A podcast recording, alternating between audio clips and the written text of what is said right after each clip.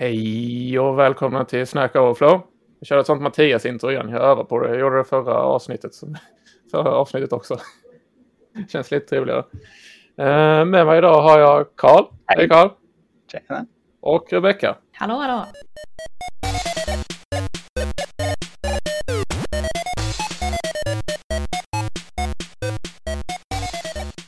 Idag så ska vi spela in ett avsnitt om tillgänglighet eller som man kallar det accessibility eller som man skriver det A11Y. Vilket jag tycker är lite ironiskt för det blir mer svårläst. Ja, det betyder A och sen att det är 11 bokstäver mellan A och Y. Det måste vara lite ironi bakom det ändå. Det är T12T på svenska för tillgänglighet. Ja, okej. Okay, ja. det, kommer inte bli, det kommer inte bli ett dugg eh, enklare att läsa. Uh, men detta kanske, detta ämnet är kanske lite extra relevant nu med tanke på vad som händer 2025. Eh, och det är tur att vi har med oss dig Carl, för vad är det som händer 2025? Jo, 2025 då inträder en regel inom hela EU eh, som heter European Accessibility Act eh, som i korta drag gör så att alla eh, oavsett vad man än jobbar med eh, behöver anpassa sig för att göra tillgängliga produkter och tjänster. Eh, så det gäller liksom inte bara oss som bygger webbsidor utan det innefattar bland annat att alla larmtjänstnummer i hela Europa kommer bli 112. Eh, du behöver liksom tänka på ljud och visuell media. Banktjänster måste funka liksom för alla oavsett verktyg och ljudböcker, mobiltelefoner, tv-apparater. Bankautomater kommer ha liksom ett HX-uttag så att eh, du kan koppla i dina hörlurar och liksom få uppläst när du tar ut pengar och sådana saker. Så det är väldigt mycket som eh, kommer att behöva ändra sig. Eh, så den träder i kraft då, så allting måste vara redo och klart när, när den träder i kraft? Exakt. Så att vi har ju ja. bara ett och ett halvt år, lite knappt på oss. Jag gissar på att inte det kommer uppfyllas och att det kommer vara lika lite de kommer dra några signalpolitiska case när de sätter dit några stora jättar. Men ja. sen så kommer det vara som GDPR tillämpades. Så att det kommer bli bättre över tid, gissar jag på. Ja. Uh, mm. uh, men för det, det är VKAG, vad står VKAG för? Är någon av er som... Inte på rak arm. Web Content Accessibility Guidelines. Jag hade skrivit upp det. Oh, det ja, nice. Någon har gjort sin läxa. Eh, för det är de som sätter klassificeringarna. Precis. Eh, vad är det? Dubbel A och trippel A, precis som uh, kredit... Ja, så det är enklare ja. också. Uh, och de här, är det olika är det olika vilken klassificering du har beroende på vilken tjänst det är på det som träder i kraft 2025? Eh, nej, det kommer nog vara... Eh, de har inte specificerat det exakt vilken det är. Eh, men det brukar vara dubbel A som gäller. Eh, trippel A. Ja. Trippel A är extremt ja, mycket. Exakt. Men eh, typ banktjänster och sådana saker är bra om man uppfyller trippel A. Eh, sådana som är väldigt kritiska. Vi kanske kan, eh, nu kommer inte jag ihåg, jag, jag har googlat detta innan avsnittet men jag har redan glömt det. Men vilka funktionsnedsättningar som jag också googlade var det politiskt korrekta sättet att uttrycka det på. Jag är väldigt rädd för att göra mig av, eller göra bort mig i, i podden och säga något politiskt inkorrekt. Uh, nej, men om man tar... Vilka funktionsnedsättningar, ja, köp Om man tar och grupperar dem, då har vi ju hörsel. Uh, du kan ju vara antingen helt hörselskadad eller att du inte hör vissa toner eller att du är liksom i situation till exempel. Ni båda sitter nu med brusreducerade hörlurar på er. Eh, ni kanske inte hör ifall det kommer in någon i rummet så att ni är liksom situationshörsel ja, begränsade. Och mm. Eh, mm. annars har man ju kognitiva och lärande och neurologiska. Eh, det är typ som ADHD, dyslexi, eh, att du kanske håller på med fler saker samtidigt eh, är ju en typisk tillfällig grej. Eh, ofta brukar ju framförallt killar inte kan göra fler saker samtidigt brukar man väl säga. Bara kvinnor kan göra två saker eller mer. eh, nej, men sen så kan man ju ha tal eh, som är, är det liksom i högsta, då kan du inte, då är det ju stum. Eh, du kan ha som Oskar en dialekt eller som Rebecka också. eh, som kan vara... Är den klassificerad? Som ja, men det är faktiskt en eh, situation för att det kan vara svårt för vissa att inte uppfatta vissa dialekter. Eh, det kan ju vara väldigt liksom, slangord som bara används liksom, väldigt lokalt. Mm. Och sen så har vi... Jag tänker taligenkänning, där, det kanske är där det appliceras ja. i så fall. Ja. Och sen så har vi syn. Då kan man ju vara helt synskadad, du kan vara färgblind, det kan vara som mig och Oskar, ha glasögon och behöva hjälp att se på de sätten. Och sen så har vi fysiska, det kan vara att eh, du saknar en arm, eh, du har brutit armen, du kanske bär en kaffekopp och bara har en hand tillgänglig. Så det är väl lite ja, grupperna i sig och lite olika scenarion på när, när man träder i kraft i dem. De som jag mest, om jag reflekterar, jag reflekterar lite när du så fint raljerade alla olika funktionsnedsättningar, men de som jag mest har råkat ut för som man känns som man första hand bryr sig om, det är saker som man ser. Mm. Alltså färgblindheten, kontrast, eh, eh, kunna ändra små textstorlek, kanske till och med ändra font. Alltså de känns som de absolut vanligaste. Ja. Ja, jag tänkte också på just det där vad som klassificerades som en funktionsnedsättning. Eh, då tänker jag också på att det finns eh, situationella funktionsnedsättningar. Mm. Alltså att det kan vara i vissa situationer. Eh, om man kanske är i en bullrig miljö så att man får svårt att höra. Eh, eller till exempel om man har, har en tillfällig funktionsnedsättning så kanske man har brutit armen eller något liknande. Exakt. Eh, så det tänker jag också att man behöver tänka på och anpassa för. Ja, precis. Och det blir ju framförallt liksom i när vi bygger responsiva webbar. För det, ofta sitter du liksom vid en dator så har du ofta mus eller liksom din touchpad är ju sällan du behöver touchpaden och tangentbordet samtidigt. Liksom. Eh, mm. Men sitter du på en mus och det blir, eller på en mobil och det blir alldeles för långt att trycka, liksom, om du är vänsterhänt och så måste du klicka liksom högst upp till höger. För dagens mobiltelefoner är ju gigantiska. Det går ju knappt att använda med en hand. Mm. Det är ett problem faktiskt. Jag har väldigt små händer så att det ja. där är ett återkommande problem för mig. Nej, så då får man ju stå där som eh, folk på vintern som inte vill ta av sig handskarna och står och liksom trycker med näsan så här. Eller att man har fullt Men... i händerna. Exakt. Då känns det som vi har gjort det lite tydligare för våra lyssnare vad accessibility eller tillgänglighets eh, handlar om.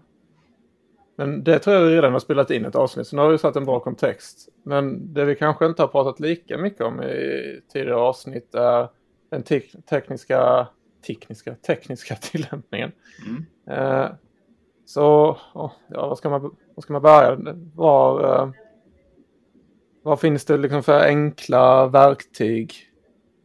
Liksom allting från testning till kodning. Liksom, vad, vad har ni två använt? Liksom, var, var, var börjar man någonstans? Säg, man, man sitter på en stor eh, ja, regeringshemsida eller en e-butik som är superstressade eh, över 2025. Vad, var börjar man? Var, liksom, någonstans måste man ju börja. Det snabbaste är att installera en linter så du får hjälp medan du skriver koden. Eh, mm. Det finns ju olika jag vet att det finns eh, JSX-Ax eh, för React till exempel. Det finns liknande för Vue och mm. Svelte också. Gissar att det finns Svelte är faktiskt riktigt, eh, riktigt bra. Ja. Den använder jag själv. Den, när man uppdaterade till den senaste versionen av Svelte som jag inte minns vilket nummer det var så fick jag väldigt mycket röda rader i min Svelte-kod som jag var tvungen att gå igenom. Vilket var bra för jag hade misslyckats på massor med ställen. Okej, okay, då får man hjälp. Alltså den sätter upp en massa regler åt den eh, redan. Eh, ja, exakt. Då får du ju precis som med dina andra ESLint-regler när du sitter och skriver för att alla ska skriva kod på samma stilade sätt. Liksom. Så får du upp liksom en varning att nu har du glömt eh, en area label på det här elementet till exempel. Du har glömt en roll på din eh, stora menylista så att man vet inte vad det är för typ av meny. Om det till exempel är en breadcrumb-meny så kanske du vill ha liksom säga för en skärmläsare eller verktyg att det här är en breadcrumb-meny och sen så på sista länken till exempel så vill jag ha att det här är liksom det här är den aktiva länken som du just nu är på. Mm, just det.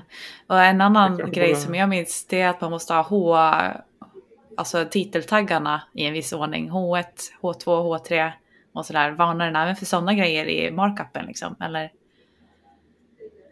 Det tror jag inte i och med att du eh, jobbar ofta i komponenter så hade den ju varnat över att det inte finns en H1 i varje komponent. Mm. Men Just det... med heading så tänkte jag ganska mycket på det när jag, det här komponentbiblioteket som jag har pratat alldeles för mycket om i denna podcasten. Jag skulle göra en header-komponent där. Och det får, ju, det får ju bara vara en H1 och den ska alltid vara överst. Och du får inte ha en H1 där under en H2 och, det, och så du ska inte ha H3 och helst under H2. Man ska följa en viss hierarki för att det ska bli semantiskt korrekt för screenreadern att förstå. Men då la jag in möjligheten för även de kanske mot förmodan skulle vilja styla en H1 under en H2. Men då kan de säga till header-komponenten att det ska vara en H2 men du ska se ut som en H1. Så att det finns fortfarande möjlighet att styla att det blir större headers under en annan header men rent semantiskt så blir det korrekt. Mm. Exakt, och det är ju många som ofta missar att de säger ja men det här ska se ut som en H1 enligt designen men eh, den kanske ligger väldigt långt ner. Eh, och i hero sectionen på just den sidan mm. kanske har liksom en liten som ser ut som en H2 att det blir fel. Så jag väldigt ofta, mm. Eh, både när man surfar runt på webben och inspekterar och kollar. Men så linter är första steget. så att man får semantiskt korrekt HTML. Ja. Men det känns som det berör, lika mycket som det berör utveckling så berör det ju eh, UX också. Alltså att de som designar måste börja tänka annorlunda också. Mm. Kan... Mm. Är det inte främst eh. kontraster eh, tänker jag där att det är väldigt viktigt? Jo, precis. Och det finns ju olika plugins oavsett om man använder eh, Figma eller eh, Sketch eller gissar att det även finns till Adobe XD. Jag vet inte om man fortfarande använder det. Eh, så finns det ju plugins just det, att installera. Det verktyget. Eh, för just... Jag minns att jag tyckte det var ganska fett XD. Ja, men det var ju väldigt litet och behändigt. Men sen ja, känns det som att jag om det. Figma tog över hela alltet.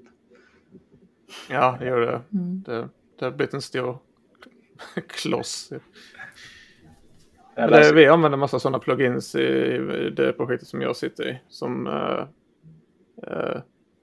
uh, så här, granska det här, hur accessible är det här? Och det, när, när, man tror att man har rent mjöl i påsen så inser man fan vi måste göra de här komponenterna fulare för att de ska vara accessible. det, det, det, det, känns tyvärr, så, så upplever jag det i alla fall, att man måste mutera dem på ganska många olika sätt och skapa olika variationer. Mm. Och likadant mm, om man har, eh, som du som bygger ett komponentbibliotek, om man kör Storybook till exempel, så har man ju även där möjlighet att installera flera accessibility plugin så att man ser liksom för varje komponent i de här tabbrutan längst ner så kan man ju se liksom, ja, men hur mycket uppfyller kontrasten och hur eh, ja, uppfyller den liksom alla tillgänglighetskrav. Mm. Men sen kan man ju också i sina visuella tester så kan man ju installera något som heter Axe. Finns eh, framförallt till Playwright och eh, till eh, Cypress. Eh, så kan man ju köra och då får man ju liksom och eh, du kan även köra Google Lighthouse. Eh, och, ja, den som är inbyggd i DevTools. Ja, exakt. För den kan ju även lägga in i din CI-CD pipeline och få ut och då får du ju liksom att över hela varje sida så kan du ju ta liksom att hur, hur bra uppfyller varje sida eh, tillgänglighet och få varningar eller fel om det alltså att det inte uppnår. Där tycker jag samtliga webbläsare har gjort ett jättejobb ändå varit tidigare på bollen med att det är enkelt. Alltså förutom verktygen, alltså det som finns i de olika inspection toolsen som är Googles fall, DevTools. Att, som du kan aktivera när du inspektar och håller över saker, att du får kontrastbetyg och eh, liksom hur läsbart det är. Eh, så det finns ju ganska mycket på plats som man kanske inte kände till redan som man kan börja använda. Eh, Precis. Jag har varit väldigt imponerad eh, av Edge för nu är det några månader sedan när jag öppnade Inspectool och bara ser liksom bara lyser rött i HTML-trädet. Så bara, oj, här är det något jag verkligen har missat. Eh, och kunde liksom bara hålla över liksom den, det rödmarkerade och så fick jag exakt vad det var som saknades för just eh, det HTML-elementet för att det skulle funka. Men om man tar Axe då, för det, det, där kan man ju nästan få som en, det blir ju nästan som en rapport. Alltså mm. så, Playwright och Cypress som är klick, end-to-end uh, integrationstest. Jag vet inte, kärt barn, många namn. Men om du kan skriva tester som klickar runt i headless webbläsare. Jag vet, äh, vet i och för sig inte ifall uh, eh, Cypress är headless. Men Playwright använder jag. Uh, så det skulle man ju, där skulle, där skulle du kunna besiktiga hela din applikation och mer eller mindre få rapport. Och det skulle utöver lintningen så tror jag den är lite mer rigorös. För där får du en rapport på hela applikationen om du sätter upp testerna rätt. Precis. Det skulle också liksom ha fått facit. Det här är vår backlog till 2025. Sen vet jag inte hur pålitliga AX-testerna är. Uh, men det är med testen, nu kommer jag inte ihåg exakta siffran med hur mycket det är, men du kan ju i princip bara testa dig med liksom automatiska tester upp till typ 30 procent av tillgänglighetskraven. Sen behöver du ju ha riktiga testare som behöver okay. det här till vardags liksom, för att hitta resten. Mm. Jag tänker där framförallt också på en grej, det är väl liksom i vilken ordning när man tabbar igenom en sida till exempel och vilken påverkan det får på en eh, sån här skärmuppläsare. Det, det tror jag är ganska svårt att ha ett automatiskt test på för man, det behöver nog en riktig människa vara med och, och, och titta att vart det här verkligen rätt till exempel. Mm. För det hade vi väldigt bra på förra uppdraget jag var på. Då tog de in, de jobbade väldigt mycket med tillgänglighet och hade tagit in då en synskadad som visade hur hon navigerar på hemsidan och gick igenom hela hemsidan och liksom så här, ja men jag ska utföra det här utifrån det ett scenario liksom skapade hon upp och hon använde ett verktyg som heter JAWS som kostar pengar, men det är en skärmuppläsare med ett verktyg. Och visade liksom hur hon går in på en hemsida och hur hon navigerar sig runt. Mm. Och då var det väldigt intressant just med liksom, ja, men hur de hoppar emellan bara alla rubriker för att hitta liksom, ja, men vad är det som finns på den här sidan. Eh, läsa upp liksom, ja, men det här är alla länkar som finns. Vilka länkar är det som är liksom, grupperade hur? Hur är de håller ihop och sådär. Jag såg en föreläsning med det också och fick se ja, men hur det liksom låter och hur det går till. Och då, då visade föreläsaren ett skräckexempel på väldigt populär webbshop som jag inte tänker säga vad den heter. Men då var det verkligen att de var tvungna att liksom tabba igenom hela menyn med underkategorier och det var ju hur mycket kategorier som helst innan man kom till faktiska actions som man vill utföra, som utföra ett köp eller sådana saker då tröttnar man ju till slut. Ja. Liksom. Nej, och då blir man ju inte så, då tappar man ju liksom väldigt mycket utav eh, hela det. Mm. Men det är ju uppskattat, alltså totalt, jag tror att den här siffran bara gäller för USA. Men 6,9 miljarder dollar varje år försvinner i e-handel på grund av otillgängliga hemsidor. Mm. Så det är ju... Jag fick en siffra av min kund att de uppskattar att 25 procent av deras besökare det är ganska många besökare ska tilläggas också, har någon form av funktionsnedsättning. Det är mycket. Det är ett brett spann också med tanke på liksom, äh, matrisen av funktionsnedsättningar som Carl presenterade i början. Precis. Men det är ju ändå äh, alltså rent så ideologiskt är det ju väldigt fint att man skapar tjänster som ska vara till, liksom, tillgänglig och eh, användbar för alla.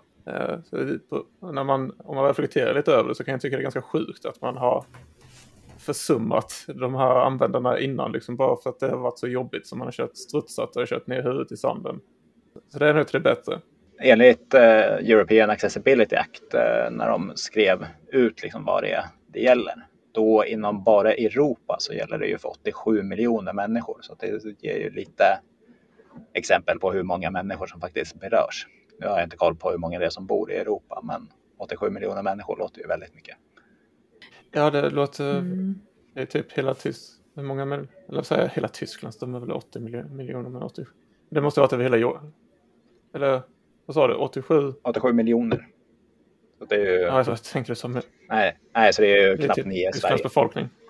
Eh, jo, just med, med lagen där, ursäkta, eh, så funderade jag på är det liksom, kommer, nog, kommer det vara mer fokus på mer, ja, men om det kommer till webbsidor och webbtjänster som är utåt mot eh, en större publik?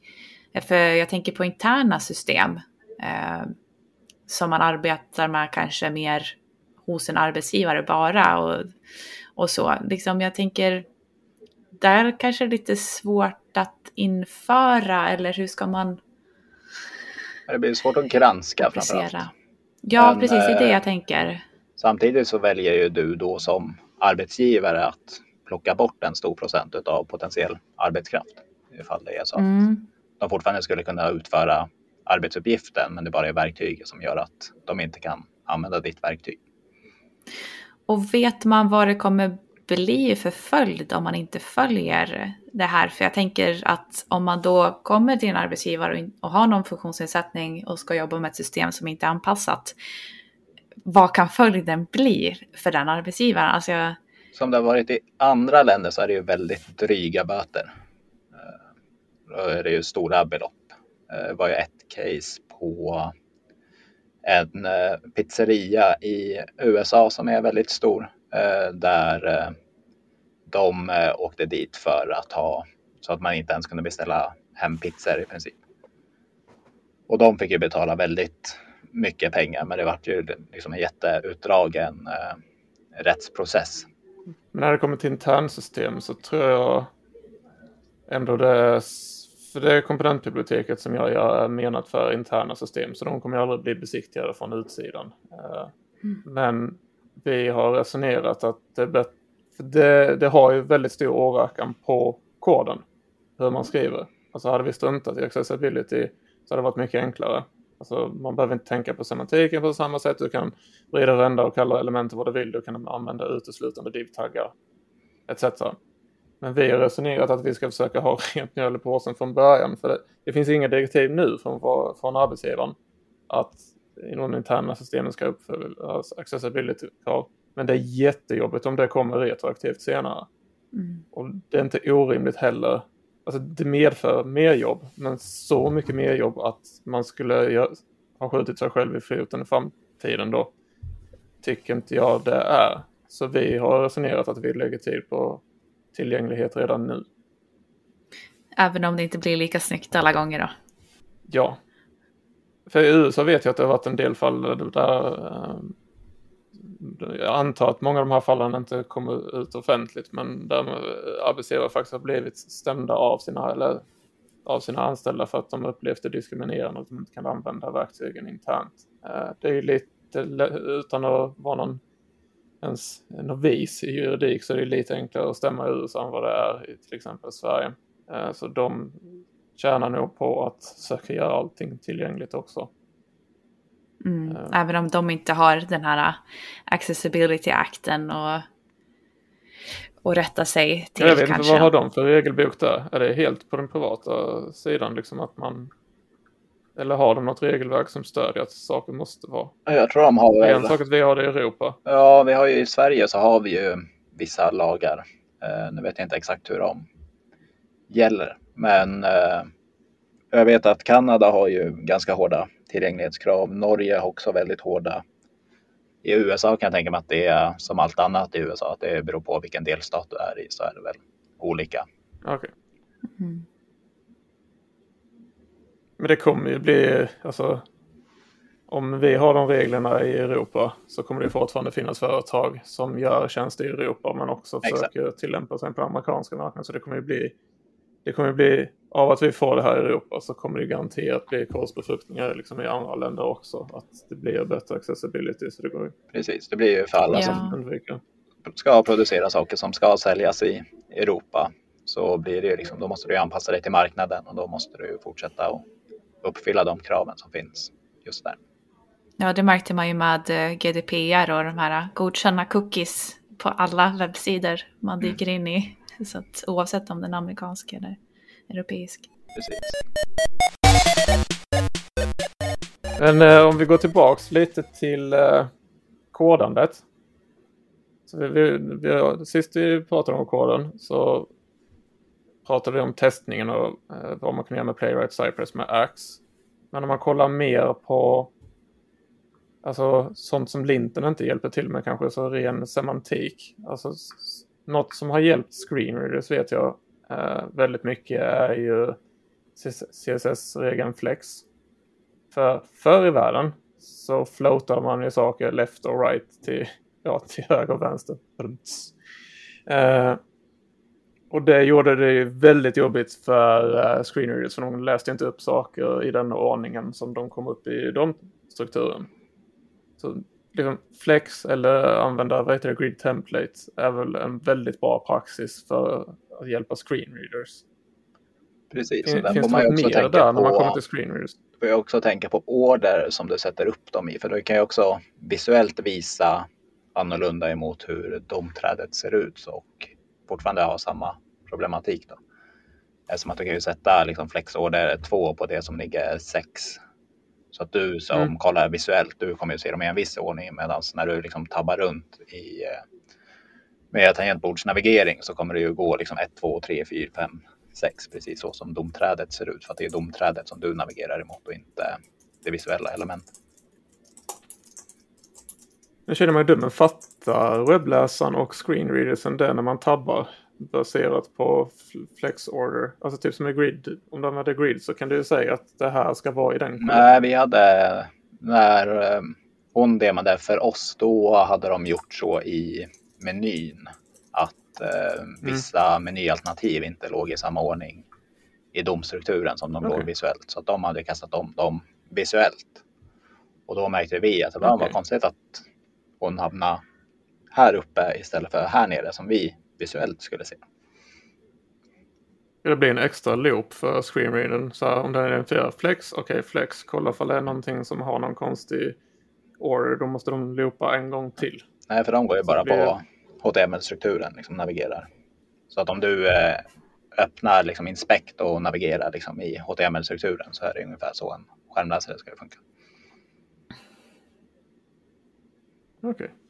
Finns det inte Ja, det- någonting som heter tabindex eller missminner jag mig nu? Jo, då kan du skriva om ordningen på hur eh, element ska tabbas, alltså ordningen på hur du ska hoppa. Och det tycker jag är läskigt. Jag, jag sitter med exakt det nu och jag blir inte klok på vad som är rätt mönster.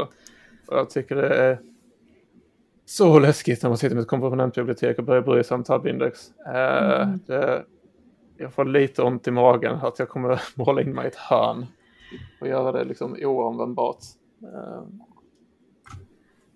Precis, där hjälper det också om man har liksom? renare. Där hjälper det såklart också om man bara har renare markup. Mm. Eh, Jag, jag har en till fråga som jag vill ställa mot er. Alltså för en positiv effekt jag tycker med de här kraven Eh, för att vi har gjort väldigt häftiga och förnuliga, alltså typ om man tar controller-komponenter som mina designers gillar att kalla det, jag kallar det bara för inputs. Men alltså alla, alla textinputs-variationer som finns, knappar, alla, ja knappar är väl kanske inte en controller, men radius och checkboxes och alla de här. Väldigt ofta så vill man ju ändra på de här så att de inte ser ut som native element. Men jag tycker en positiv grej är att man kommer till back to basics liksom.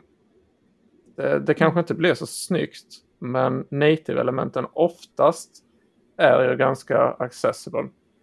I Safari så var några av, alltså typ man satte disable state på eh, knappar och sånt väldigt dåliga på accessibility. Men det känns som att man mer och mer kommer kunna luta sig på att native-elementen är bra.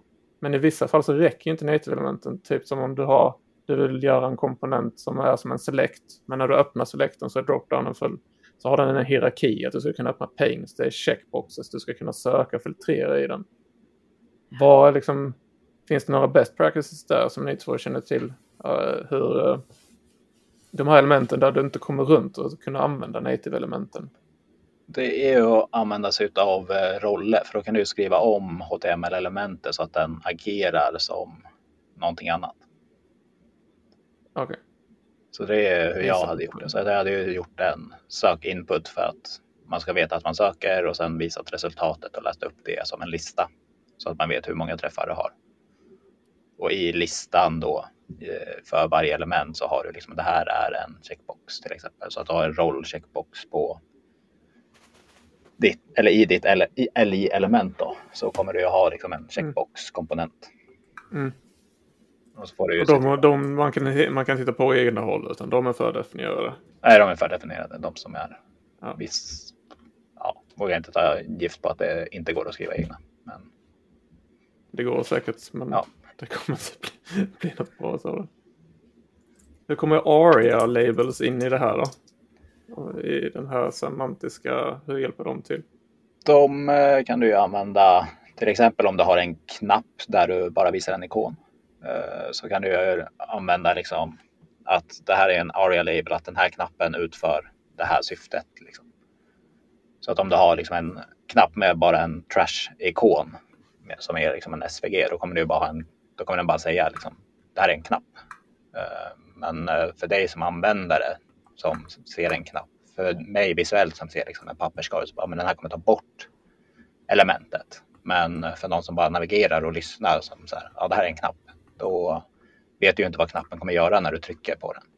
Och då kan du använda area label för att skriva att stäng eller radera.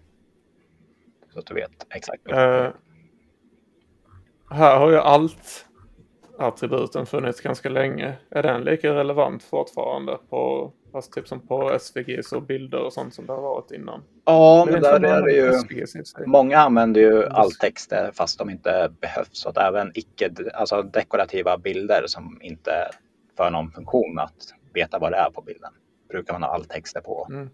Och så läser den upp liksom hela alltexten och så bara, men det här har ingenting med det jag vill navigera på. Det är inte så intressant för mig att se liksom, ja, men glada människor hoppa, spela fotboll i bakgrunden. Liksom, när jag ska köpa ett par fotbollsskor. Liksom. Då vill jag bara veta liksom, ja, men fotbollsskorna ser ut så här, det är det här materialet. Eh, och mer i detalj, liksom, vad är det för fotbollsskor jag köper. Det kommer, det kommer säkert komma som precis som Google gjorde med sin Google-sök, att man premieras om man har en responsiv sida. Ja, Ifall de lyckas besiktiga att det här är en accessible sida, grattis, du får en bättre sökträff. Mm, det där läste jag faktiskt någonting om att eh, SEO och sånt kommer eh, påverkas av eh, sådana här riktlinjer.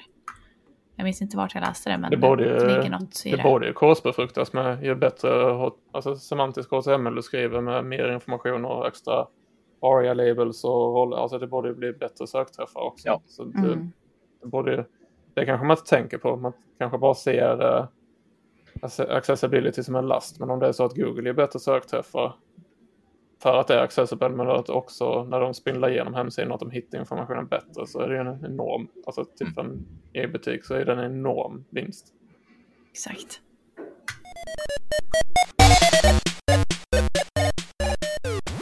Men om vi ändå är inne på markupen. Jag vill se Karl, du har ju varit schysst och förberett eh, lite anteckningar inför det här avsnittet vanliga missar i semantiken. Alltså man, det, det, här tänker jag att man försummar hur stor innebörd det har. Men liksom, finns det några så här lågt hängande frukter så om man inte har linten uppsatt eller om linten missar det? Det vanligaste, som, vi nämnde början. vanligaste jag tycker att jag ser överallt är att man skriver text direkt i divvar eller använder spannelement. Eh, och tror att det är text som kommer läsas upp. Eh, men det mm. måste vara inom liksom, ele textelement. Så det måste ju vara liksom rappat i en p-tagg eller mm. rubriker om det ska vara liksom löpande text. Eh, I listor och sånt så är det ju liksom, det är ju den texten som läses och samma sak med text inom knappar så är det ju den texten som läses. Och i länkar så är det också liksom, det är texten innanför länken som läses. per default. Så det är ju någonting som många missar överallt där jag kollar och jobbar. Så är det liksom, många tror ju att spann är ett textelement, men det är ju bara för att dekorativt ändra text inom ett eh, textelement. Mm -hmm. Ja, det var ju intressant att det inte kommer läsas upp faktiskt. Så då finns det ju massor med information som man kan missa eh, ja. om man har en skärmuppläsare. Då. Precis. Ett annat eh, exempel som eh, jag har sett då har man länkar och sen så har man en href som eh, en eh, hashtag. Alltså i, om man använder det. Ja, för du binder den på något annat sätt. Ja, precis. Så har du ett eh, klick-event liksom och sen så gör du liksom en window eh, location är lika med bla bla bla din href istället. Bara för att... Eh, det har jag gjort så många gånger. så att man liksom inte använder elementen till det de gör. Eh, och då när du gör liksom ahref och så bara en stjärna, då kommer ju länken ignoreras dessutom när du använder verktygen. Så det kommer ju liksom inte ens listas upp som en knapp eller liksom en länk. Men vilka mm. verktyg är det som har nytta av en korrekt uh, URL? Är det screenreadersen? Ja, när du använder en screenreader så har du ju ofta verktyg att plocka ut alla länkar på hela sidan för att snabbt kunna navigera bara ifrån länkarna. Så det är ju väldigt viktigt. Men läser den på något sätt upp URLen? Eller den, ja, den tar alltså, URLen och mm. sen listar liksom upp varje länktext. Så att det är ju väldigt viktigt. Liksom. Länktexten mm. är ju väldigt viktig. Eh, helst ska ju länktexten mm. vara exakt samma sak som H1 på sidan du hamnar på. Så att du vet okay. liksom, kontextuellt att om jag klickar här så kommer jag hamna på en sida som heter så här. Och då när du har klickat där, kommer till en sida och rubriken stämmer överens med länken som du klickade på så vet du att ja, jag hamnade rätt, vad bra. Eh, Okej, okay, så då menar du att de ignorerar de länkarna med en eh, hashtag? Ja, för att den går ju ingenstans. Nej. Men däremot om du har hashtag någonting, alltså då kommer den ju navigera till ett ID på den sidan som du är på. Just det. Alltså det, det makes sense att de här screenreader-verktygen och andra verktyg som tolkar domstrukturen är kompromisslösa. För om de ska catera för dålig semantik så kommer det öka det kommer ju öka deras problemet de försöker lösa. Det kommer ju bli så fruktansvärt komplext för dem om de ska catera för att folk inte gör som de ska. Ja, för det blir väldigt mycket om de ska hålla på och liksom läsa ut JavaScripten för ett on-click-event. Liksom. Mm. Så blir det ju väldigt mycket. Eller om den ska behöva klicka på varje länk för att kolla, oj, vart var det jag hamnade egentligen? Eller bara gjorde den här länken? Eh, så de ignorerar ju det likadant som att om du inte har en alltext så ignoreras bilden för skärmläsare också. Alltså jag, jag tycker man ska inte underskatta magnituden för man kan tycka det är ganska enkelt att skriva semantiskt och H-taggar och sånt här ska vara rätt ordning. Men det är som du sa innan Carl. Alltså, de flesta av oss tar den enklaste sparapplikationen som har ett par på nacken. Allting är väldigt uppdelat. Det är liksom inte som att du har en vy och så har du Alltså, I den bästa världen så har du inte komponenter som är 15-2000 rader långa. Liksom den, den första app entry-filen ska ju helst inte vara 3000 rader. Men det blir ju så mycket abstraktionsproblem i och med att man, det är bra praxis för koden att dela upp sin kod oftast så mycket som möjligt. Men när allting är så uppdelat så är det väldigt svårt att få en bra översikt bara genom att kolla på koden. Så det vill nog till att man använder verktygen. Alltså linten är jättebra men det kommer inte täcka det fallet som jag beskrev precis. Alltså man måste nog förlita sig på andra tredjepartsverktyg. Det var min hund som nös, inte jag. jag har en fråga om semantik också när det kommer till att använda till exempel header eller main-taggar och så istället för vanliga divs. Eh, spelar det någon roll någonstans ja. som min skärmläsare eller skärmuppläsare? Det gör det. Eh, det i HTML5 när man introducerade allt det här. Eh, innan det så hade du roller på alla element. Då skrev du ju bara divvar och så hade du liksom roll-meny. Nu skriver du liksom menykomponenten och sen så fattar skärmläsaren att okej, okay, det här är en meny. Men eh, kommer ju fortfarande inte funka äldre webbläsare som skriver om allting till divvar. Men eh, nu har eh, de flesta verktygen som är liksom, de har ju liksom anpassat sig och funkar väldigt bra med nya webbläsare. Men det var många år där eh, man fortfarande använde gamla Internet Explorer. Det var ju väldigt mycket liksom, folk som använde skärmläsare och sånt. Alltså sådana här eh, tangentbord med blindskrift och sådana saker som man använde. Mm. De eh, behövde fortfarande använda gamla Explorer för att eh, hårdvaran uppdaterades inte med en ny mjukvara så pass frekvent att de kunde använda nya webbläsare för att eh, då bara det så att ah, nej, men det här det säger ingenting utan då var de tvungna att använda gamla webbläsare för att det skulle funka. Det är jättebra när ni pratar för det är när jag reflekterar en massa. Eh, men det känns som det är jättebra att ha verktygen i koden. Det är jättebra att använda Ax liksom för att granska det som man har. Men ett projekt eh, går inte bara ut på att putsa oftast på det man har utan även det som kommer in. Det känns som bland de största vinsterna man kan ha är ju att allting som skapas från och med nu, att den inputen som kommer som ska förverkligas i kod är bra. Det vill säga, säga att det är Figma. Det känns ju som bland de bäst, kort, bästa kortsiktiga vinsterna man kan göra är att se till att man får att UXen på det som ska göras framöver är accessible redan innan man behöver granska koden. Så det vill säga att designers och ja, både grafiska och UX-designers liksom börjar tänka accessible redan innan mm. och börja använda verktyg i Figma. Och det finns jättebra verktyg i Figma. Jag vet inte hur mycket ni har kikat på dem, men de är faktiskt riktigt bra. Men dock så får man lite så här konfigurera vilken standard enligt VKG man vill supporta.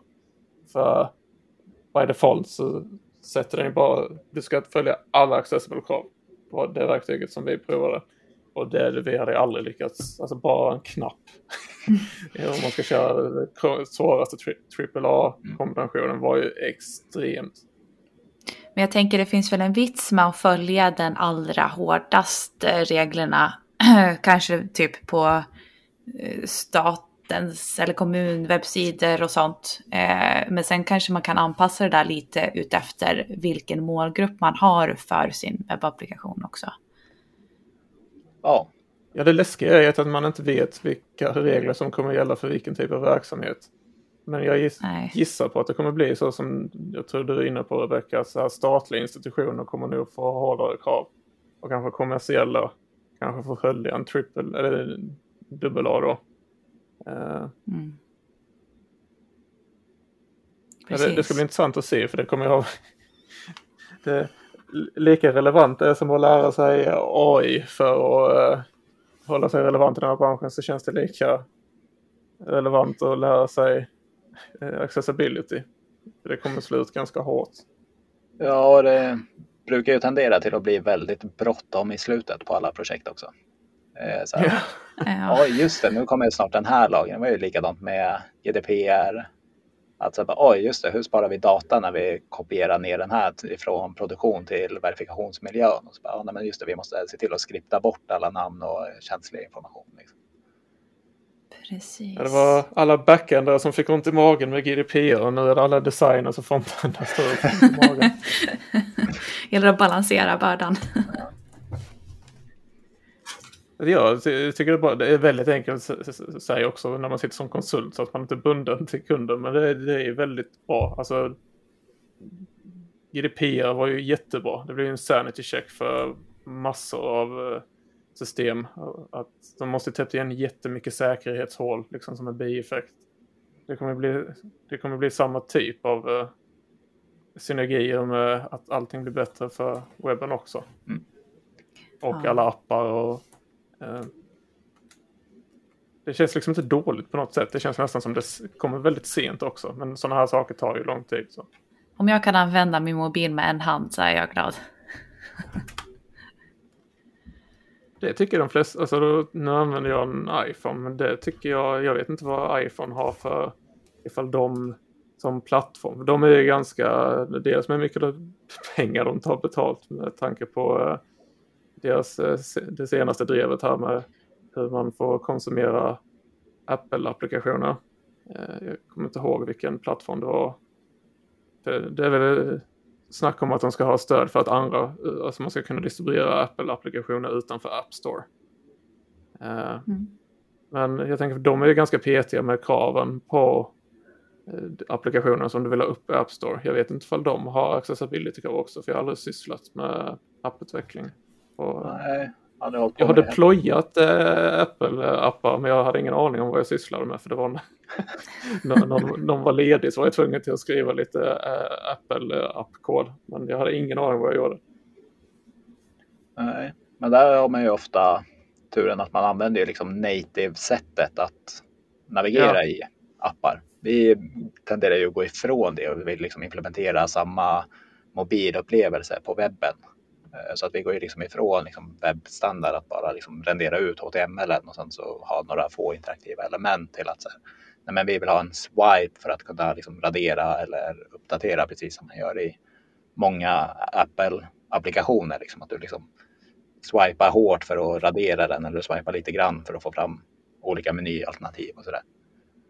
Ofta försöker man ju liksom ta med liksom det beteendet in i webben och det kanske inte alltid funkar liksom jättebra i webben. Nej, precis. Ja, det är ju också just eh, mobilapplikationer och vilken påverkan det kommer på, få på dem också. Med den här nya... Det är inte lika hett längre. Alltså när jag pluggade så kom jag ihåg eh, för all, jag vill inte säga hur många år sedan det var. Jag, jag har blivit tillräckligt gråhårig, tillräckligt gammal så jag inte vill prata om hur länge jag har jobbat med något. Det kändes som när man var ung så var det viktigt att poängtera. Jag har jobbat så här många år, nu vill jag inte säga hur många år jag har jobbat länge. Eh, Men då kommer jag ihåg, då var det det hetaste som fanns var att det skulle finnas en app för allting. Eh, vi, eh, så, men nu så är det, jag tror så att TikTok, Instagram och så här, de äger typ två, inga exakta siffror men eh, parafraserar siffrorna lite, men de äger typ 2-3% var av alla installerade appar på alla telefoner som finns. Eh, så det är något i, något i den svängen. Eh, så det är inte lika mycket mobilappar ute så det känns som det, eh, det finns fler webbapplikationer eh, och hemsidor som kommer drabbas av de här kraven än vad det gör mobilappar tror jag. Precis. Jag såg väldigt häftigt. Jag som brukar sitta och kolla väldigt mycket på Instagram Reels så fick jag upp eh, två stycken blinda personer som hade skaffat liksom en racing sim, alltså med ratt och pedaler och allting. Och så satt de med hörlurar och lirade Forza för att det är första motorspelet som eh, har blivit eh, tillgänglighetsanpassat. Coolt. Mhm. Och då sitter de och så har de liksom olika pip som betyder liksom så här, men hur långt ut är du, när behöver du bromsa och sådana saker. Så det var en eh, tjej som inte alls gameade mycket. Hon eh, var rakt in i väggen. Eh, och sen var det en kille som gameade mycket. Han anpassade sig väldigt fort och körde liksom ganska bra ändå i racing simulator för att göra det för första gången. Var, var han helt blind nästan? Ja. Eller delvis De, blind? nej, de hade inte ens en skärm inkopplad. De satt liksom med en dator, ett tangentbord, en mus och sen racing simulatorn. Liksom. Och så navigerar de in i spelet, startar spelet och så sitter de och kör liksom. Utan Wow. en skärm framför sig. Ja, för det är ju väldigt mycket fokus på visuella grejer med VR och, och sånt. Så det är ju kul också att de anpassar sig till bara hörsel. Ja, jag tyckte det var väldigt häftigt och det är ju sånt som får en att liksom bli motiverad till att faktiskt bygga bra grejer som funkar för alla när man ser liksom slutresultatet utav det. Mm. Det får man ändå ge videospelsbranschen, alltså alla sådana här stora AAA-studios. Inte AAA som i eh, accessibility, utan liksom stora spelstudios. De har ju lagt ner ganska mycket tid på att göra sina spel mer accessible. Bland bland annat uh, World of Warcraft uh, har väldigt mycket accessibility-hjälp numera. Som, de släppte nytt innehåll i, ja, runt nyår. Eh, en raid, behöver inte gå in på vad en raid är, men det är när folk spelar tillsammans. Men innehållet de har släppt, det var liksom som eh, i sitt originalutförande, om du inte hade några accessibility-regler, så var det liksom som att stå på en eh, rave med strobbar överallt. Allting blinkade hela det, liksom, det gick typ inte att urskilja var det stod någonstans med din karaktär. Så sättet för dem, liksom så här, de storsatsande gruppen människor, de fick maximera alla accessibility-krav för att överhuvudtaget kunna utföra innehållet på den svårighetsgraden. För att det skulle kunna gå att se. Eh, Alltså det, det känns som spelbranschen eh, på de här stora styrelserna har verkligen lagt ner tid Mm. på det här. Men vad har de, också då? Vad har de implementerat då? Alltså typ att det inte ska blinka för mycket eller mer kontrast eller vad har de gjort eh, för Ja, dels är det väl eh, liksom eh, folk som har epilepsi eh, är väl en stor grej. För att det är många spel som blinkar och så mycket. Men all, alltså screen reading och sånt. eh, Det finns väldigt mycket verktyg Mhm. för det. Så det, det måste man ändå sätta ett strå i hatten på dem att de har tänkt på. Men det är förmodligen också implementerat av ren rädsla. Men jag tänker det måste ju vara en ganska stor marknad också. Eh, som vill kunna spela men som har någon nedsättning och inte kan. Mm, Eh, Absolut. Så det är kul då att de kan öppna upp för det också. Eh, vi har också med i våra punkter VCAG 2.2. Jag gissar att det här är en standard eller vad man ska kalla det som eh, utvecklas ganska långsamt. Men vad är det som införs? För det var 2.1 man körde på innan gissar jag på då. Ja, eh, och 2.2 den trädde i kraft 5 oktober 2023. blir det. Så lagom till när vi åkte på konferens och jag skulle prata om eh, tillgänglighet så var jag tvungen att sitta på hotellrummet dagen innan jag flög ner och bara Revampa hela Men, Men är eh, det stora ändringar de här i regel? Alltså när de släpper en nej, men det är inte så jättemycket. Eh, mycket är liksom vissa saker, alltså drag and drop eh, funktioner och sånt kommer bli, det var ju jobbigt att implementera tidigare. Nu behöver du liksom kunna göra det med tangentbord och med gester och veta liksom att det hamnar på rätt ställe och sådär. Oh, ja, det är klart att det blir jättejobbigt. Och sen eh, när du har fokus på element, till exempel, vi pratade ju om checkboxar och radioknappar och sånt förut, när du liksom tabbar ner och har liksom fokus på liksom ett eh, inputfält som är liksom en checkbox.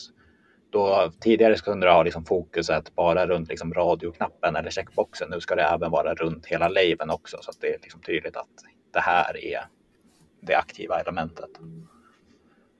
Eh, avståndet mellan element, nu kommer jag inte ihåg pixelvärdet, men liksom, du ska inte ha liksom HTML-element som ligger för nära varandra, utan det ska vara liksom visuellt tydligt att eh, det är ett större avhopp, liksom, för att du inte ska kunna, liksom, om du har Parkinson till exempel eh, och skakar, då ska du liksom inte, om du vill trycka på liksom cart-ikonen när du håller på och shoppar på din mobiltelefon så ska du inte råka klicka på länken till eh, hamburgermenyn eller något sånt. Utan du ska ha lite sånt. Okej, så det, hitboxen måste vara...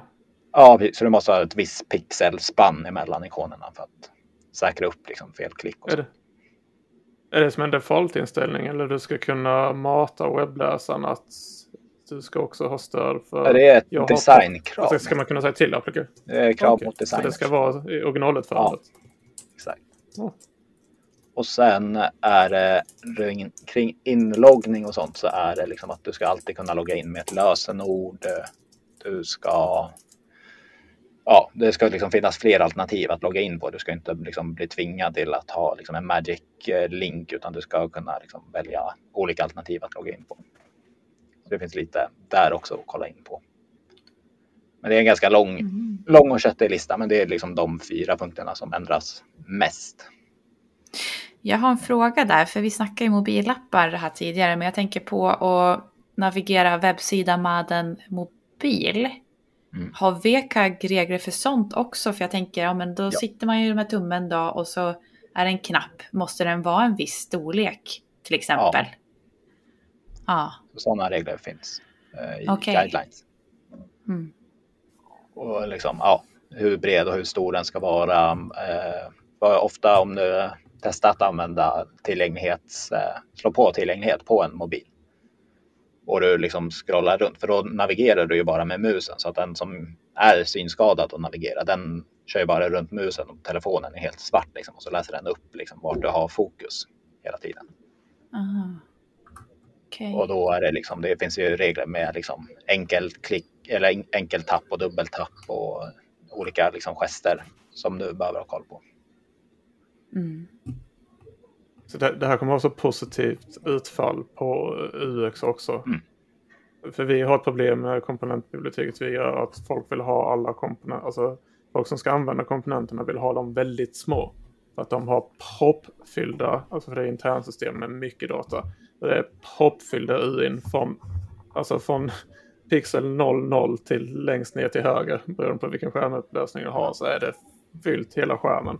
Och därför vill de ha jättesmå knappar som till exempel. Så därför kommer jag tänka på när du tog Parkinson-fallet Karl. Att, eh, för vi vill ju prompt att knapparna ska vara stora och vi vill att ni ska göra luftigare UIn. Vi vill inte att ni ska göra UIn som ni gjort innan. Men det, det gick inte riktigt igenom så vi har en variation på knappen som heter X-smal.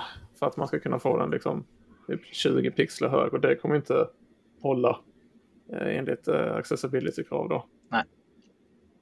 Det kommer, så det kommer bli en bieffekt av att man måste tänka om sina gränssnitt lite och kanske splitta funktioner och inte ha allt i en skärm.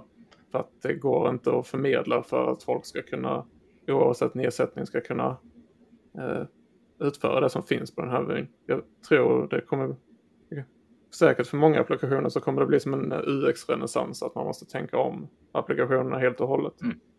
Ja, jag tänker bara som användare om man får sån här information overload. Eh, att allting är sådär tätt mm. och litet. Eh, det är ju inte en kul användarupplevelse ens. Alltså oavsett funktionsnedsättning. Så att jag tror det kan vara... Jag tycker Amazon bra. måste få, få det jättejobbigt med sin eh, gigantiska e-butik där de försöker leda in en till att köpa saker precis på varenda kvadratpixel. De måste ju få ett helvete att reda ut uh, Alltså att om de ska stödja det Parkinson-fallet till exempel, det kommer bli jättejobbigt för dem att göra en mer alltså, UX-mässigt eh, enklare sida. Ja. Precis, där möts man verkligen av puff, så mycket information, sensory overload eh, direkt när man kommer in i butiken. Era erfarenheter av, alltså lagen har inte trätt i kraft än, men A11i är inte en ny grej. I, I vilken utsträckning har ni fått arbeta med det liksom, fram tills idag? Du har ju eh. onekligen arbetat med det Karl, men om vi börjar med dig Rebecka. Ja, jag har inte behövt tänka så mycket på det då jag har framförallt jobbat med interna system. Även om, som vi snackade om, mm. att det är viktigt där också.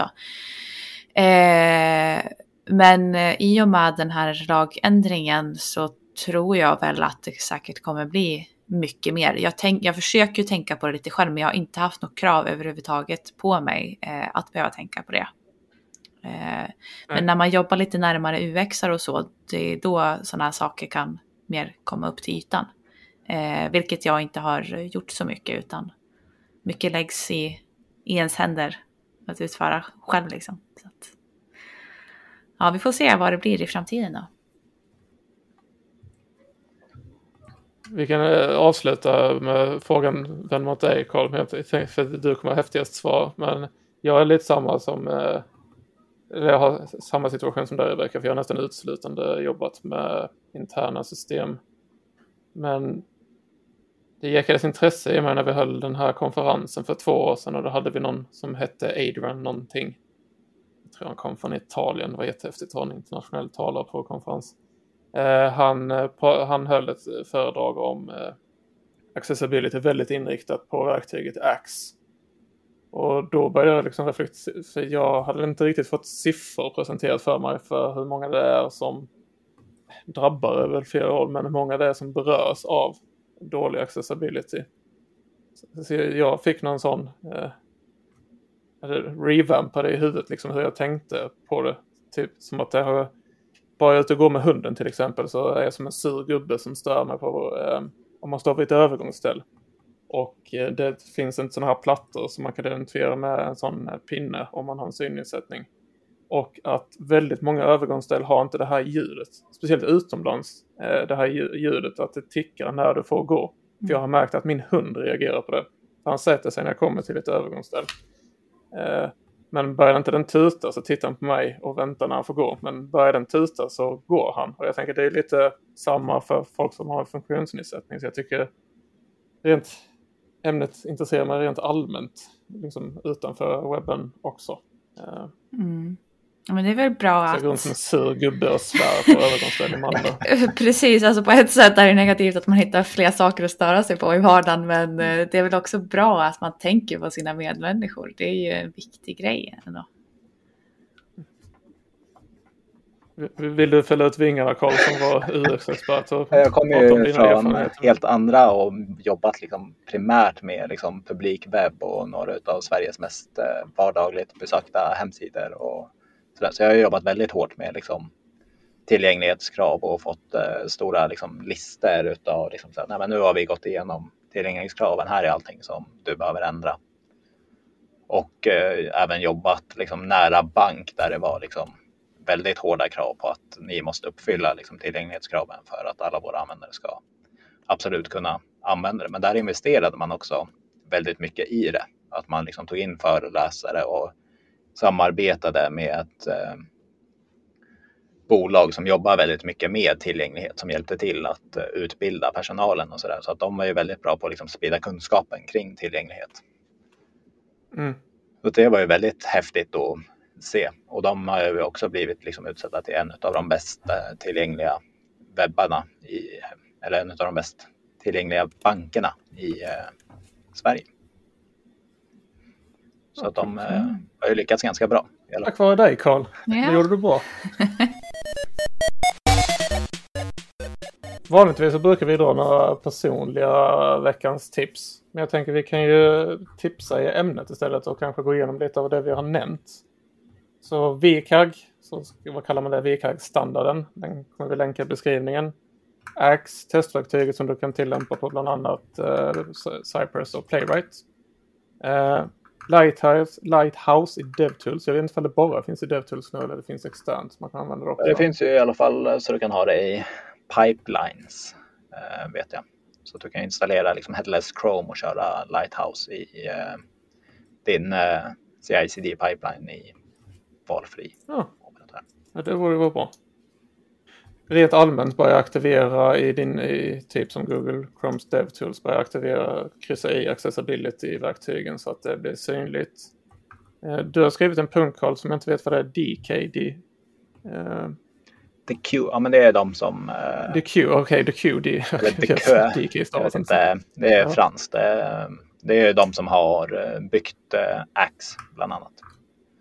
Och de har väldigt mycket liksom föreläsningar och sånt som är gratis. Eh, Du kan ta certifikater och liksom lära dig grunderna eller liksom vidareutveckla beroende på vilken roll du har i ditt team. då.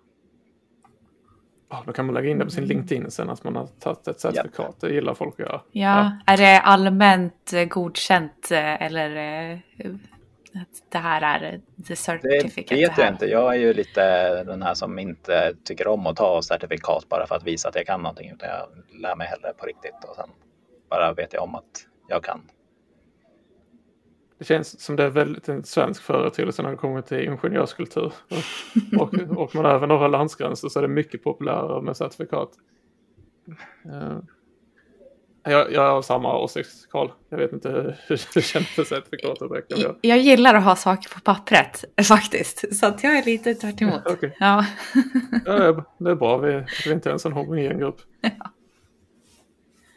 Och sen eh, oavsett vilket eh, det verktyg man använder för att eh, rita och skapa design och UX-upplevelser. Men om man tar Figma till exempel som är onekligen kanske bland de mest populära verktygen så finns det plugins till alla som man borde eh, engagera resten av sitt team i också utanför utveckling. Eh, så det finns en massa verktyg som förhoppningsvis vi har berört. Skriv mer semantiskt korrekt eh, HTML och sök, börja fundera på de tips som vi har gett här om du vill hjälpa din arbetsgivare att skapa en bättre accessibility-upplevelse fram till 2025 för annars är ni körda.